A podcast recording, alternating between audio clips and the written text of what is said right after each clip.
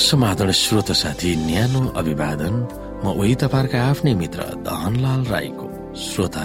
आज म तपाईँको बीचमा बाइबल सन्देश लिएर आएको छु। आजको बाइबल सन्देशको शीर्षक रहेको छ मृत्युको ढोकामा। श्रोत साथी हामीले भजन संग्रहको एकचालिस अध्यायको एकदेखि चारलाई हेर्यौँ भने ती पदहरूमा के अनुभवहरू वर्णन गरिएका छन्? र ती पदहरूमा व्यक्त गरिएको भावनासँग के तपाईँ हामी परिचित छौँ त? त्यहाँ लेखिएको छ त्यो धन्यको जसले निर्धारको फिक्री गर्दछ। दुःखको दिनमा परमप्रभुले त्यसलाई छुटकारा दिनुहुन्छ। परमप्रभुले त्यसको रक्षा गर्नुहुनेछ र त्यसको जीवन जोगाउनुहुनेछ। उहाँले त्यसलाई पृथ्वीमा आशिष दिनुहुनेछ अनि त्यसलाई त्यसका शत्रुहरूको इच्छामा छोड्नुहुने छैन परमप्रभुले त्यसलाई त्यसको बिरामीको ओछ्यानमा सम्हाल्नुहुनेछ अनि त्यसलाई फेरि स्वास्थ्य प्रदान गर्नुहुनेछ। मैले भने हे परमप्रभु म माथि अनुग्रह गर्नुहोस्। मलाई निको पारिदिनुहोस् किनकि मैले तपाईँको विरुद्धमा पाप गरेको छु। हे परमप्रभु मेरा परमेश्वर जसले मेरा उद्धार गर्नुहुन्छ दिन रात तपाईँलाई म दुखाइदिन्छु मेरो प्रार्थना तपाईँको सामान्य पुगोस् मेरो क्रन्दनतिर कान फर्काउनुहोस्। किनकि मेरो प्राण दुःखले भरिएको छ अनि मेरो जीवन चियानको छेउमा पुगेको छ। मृत लोकमा जानेहरू सँगसँगै मेरो गन्ती भएको छ। ताकतै नभएको मानिस जस्तै म भएको छु। म मुर्दाहरूसितै छुट्याइएको छु। मारिएका मानिस जस्तै जो चिहानमा सुत्छन् जसलाई तपाईँ कहिल्यै सम्झनुहुन्न? जुनहरू तपाईँको हेरचाहबाट त्यागिएका छन्। तपाईँले मलाई मृत लोकको तल्लो भागमा अति अन्धकारमय गहिरामा राख्नु भएको छ। तपाईँको क्रोधले मलाई दबाएर राखेको छ र तपाईँले आफ्ना सबै छालहरूले मलाई व्याकुल तुल्याउनु भएको छ। मेरा अति नजिकका साथीहरूबाट तपाईँले मलाई अलग्ग गर्नु भएको छ। तपाईँले मलाई तिनीहरूको लेखामा घृणित तुल्याउनु भएको छ। म थुनिएको छु र म उम्कन सक्दिनँ। शोकले मेरा आँखा धमिला हुन्छन् हे परम प्रभु म दिनहुँ तपाईँलाई पुकारा गर्दछु। म मेरा हात तपाईँतिर पसार्छु। के तपाईँ मुर्दाहरूलाई आफ्ना आश्चर्य कर्म देखाउनुहुन्छ? के ती मरेकाहरू जीवित भएर तपाईँको स्तुति गर्छन्? के चिहानमा तपाईँको प्रेम अथवा विनाशमा तपाईँका विश्वस्तताको घोषणा गरिन्छ?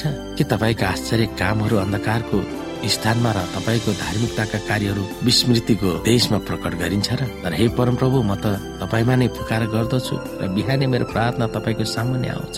हे परम प्रभु तपाईँ मलाई किन इन्कार गर्नुहुन्छ? आफ्नो मुहार मबाट किन लुकाउनुहुन्छ? युवा अवस्थादेखि नै म दुःखमा परेको छु र म मर्न लागेको छु। तपाईँका त्रासबाट म पीडित छु र म निराश भएको छु। तपाईँको क्रोध म माथि खनिएको छ तपाईँका त्रासहरूले मलाई नष्ट पारेका छन्। तिनीहरूले बाढले झै सारा दिनलाई हेरिरहेका छन्। चारैपट्टिबाट तिनीहरूले मलाई छोपिसके। तपाईँले मेरा साथीहरू र मेरा प्रेमीहरूलाई मबाट लैजानु भयो अन्धकार मेरो घनिष्ठ मित्र भएको छ। हे परमप्रभु मेरो प्रार्थना सुन्नुहोस्। सहायताको लागि मेरो प्रार्थना तपाईँको समीपमा पुगोस्। मेरो सङ्कटको दिनमा आफ्नो मुहार मबाट नलुकाउनुहोस्।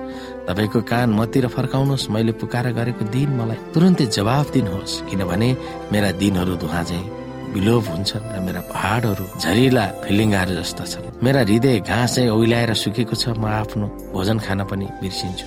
मेरो गहिरो अर्थनाथले गर्दा म हाड र छाला भइसके मरुभूमिको लाटो कोसेर जस्तै भइसके। भग्नावशेषमा बास गर्ने एउटा लाटो कोसेर चाहिँ अनिन्द्राले म जागा बस्छु धुरीमाथिको एक्लो चरो जस्तो भएको छु। मेरा शत्रुहरूले दिनभरि मेरो ठट्टा उडाउँछन्। मलाई दिलगीमा उडाउनेहरूले मेरो नाउँ शराबको रूपमा प्रयोग गर्छन्। किनकि म खरानी भोजन चाहिँ खान्छु र आँसु मिसिएको पानी पिउँछु। किनकि तपाईँको क्रोधले गर्दा तपाईँले मलाई माथि उचालेर एकापट्टि हालिदिनु भएको छ। मेरा दिनहरू बेलुकीको छाया समान छन्। म घाँस जस्तै ओइलिसकेको छु। तर तपाईँ हे परमप्रभु सदाको निम्ति सिंहासनमा विराजमान हुनुहुन्छ। तपाईँको कृति पुस्ता पुस्तासम्म रहन्छ।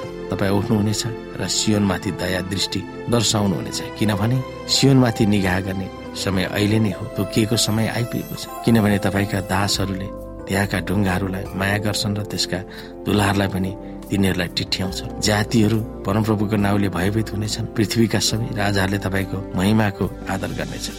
किनभने परमप्रभुले सियोनको पुनर्निर्माण गर्नुहुनेछ अनि आफ्नो महिमा प्रकट गर्नुहुनेछ। उहाँले दिनहीनहरूको प्रार्थना प्रति ध्यान दिनुहुनेछ। उहाँले तिनीहरूका निवेदनको अपेक्षा गर्नुहुन्छ। तिनीहरूका निवेदनको उपेक्षा गर्नुहुन्न। अहिलेसम्म सृष्टि नगरिएका मानिसहरूले परमेश्वरको प्रशंसा गरून् भनेर यो कुरा भावी पुस्ताको निम्ति लेखियोस्।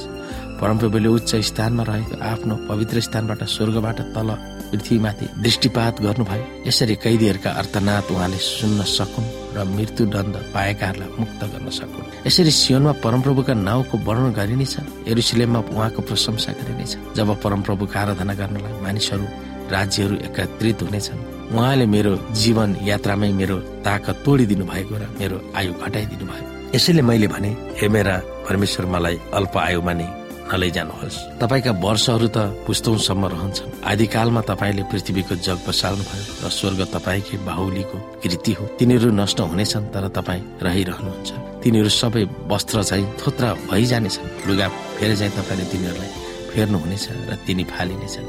तर तपाईँ त एकै नासका हुनुहुन्छ र तपाईँका वर्षहरूको अन्त्य हुँदैन तपाईँका सेवकहरूका सन्तान तपाईँको सन्मुख पास गर्नेछन् र तिनका सन्तान तपाईँको सामुन्ने स्थिर रहनेछन्। श्रोत साथी बिरामी र मृत्युबाट राहत पाउन गरिएका माथिका प्रार्थनाहरूले परमेश्वरका जनहरू पनि यस संसारमा हुने दुःख कष्ट र मृत्युबाट मुक्त छैन भनेर प्रमाणित गर्दछ। परमेश्वरप्रति आसक्त हुने र उहाँको भक्तिमा हिँड्ने भजनका लेखकले अनुभव गरेका भयानक पीडाहरूको बारेमा प्रकट गर्दछन्।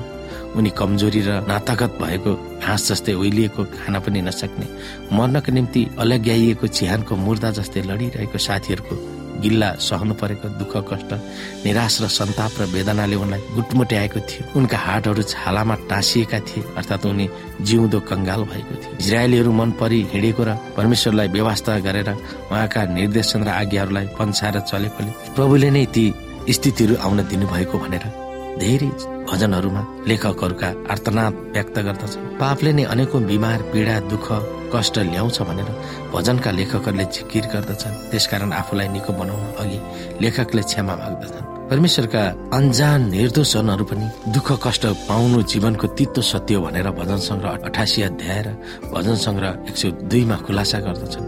परमेश्वरलाई विश्वास गरेर उहाँमाथि भरोसा राखे पनि ती विषम परिस्थितिहरू किन आउँछन् भनेर बुझ्न नसके तापनि त्यो खप्न बाध्य भएको परमेश्वरका जनहरूले स्वीकार गर्नै पर्छ भजन सङ्ग्रह अठासीमा भजनका लेखकले उनलाई मृत्युको पासोमा परमेश्वरले नै हुत्याउनु भएको भनेर उहाँलाई आरोप लगाउँदछन्। परमेश्वरलाई भयानक दोष लगाएर दुखेसो पखाए तापनि लेखकले आफ्नो विलाप उहाँलाई विश्वास गरेर नै व्यक्त गरेको देखाउँदछ विलाप आफै पनि विश्वासको क्रियाकलाप हो भनेर त्यस भजनमा स्पष्ट रूपले देखाउँदछ ती दुःख र कष्ट समस्याहरू हो परमेश्वरले नै आउन दिनुभएको भए तापनि उहाँको बालकलाई उसको हितको निम्ति उहाँले पुनर्स्थापित गर्नुहुनेछ भनेर लेखक ढुक्क रहन्छन्। यिनै कुरामा हामी विचार गर्न सक्दछौँ।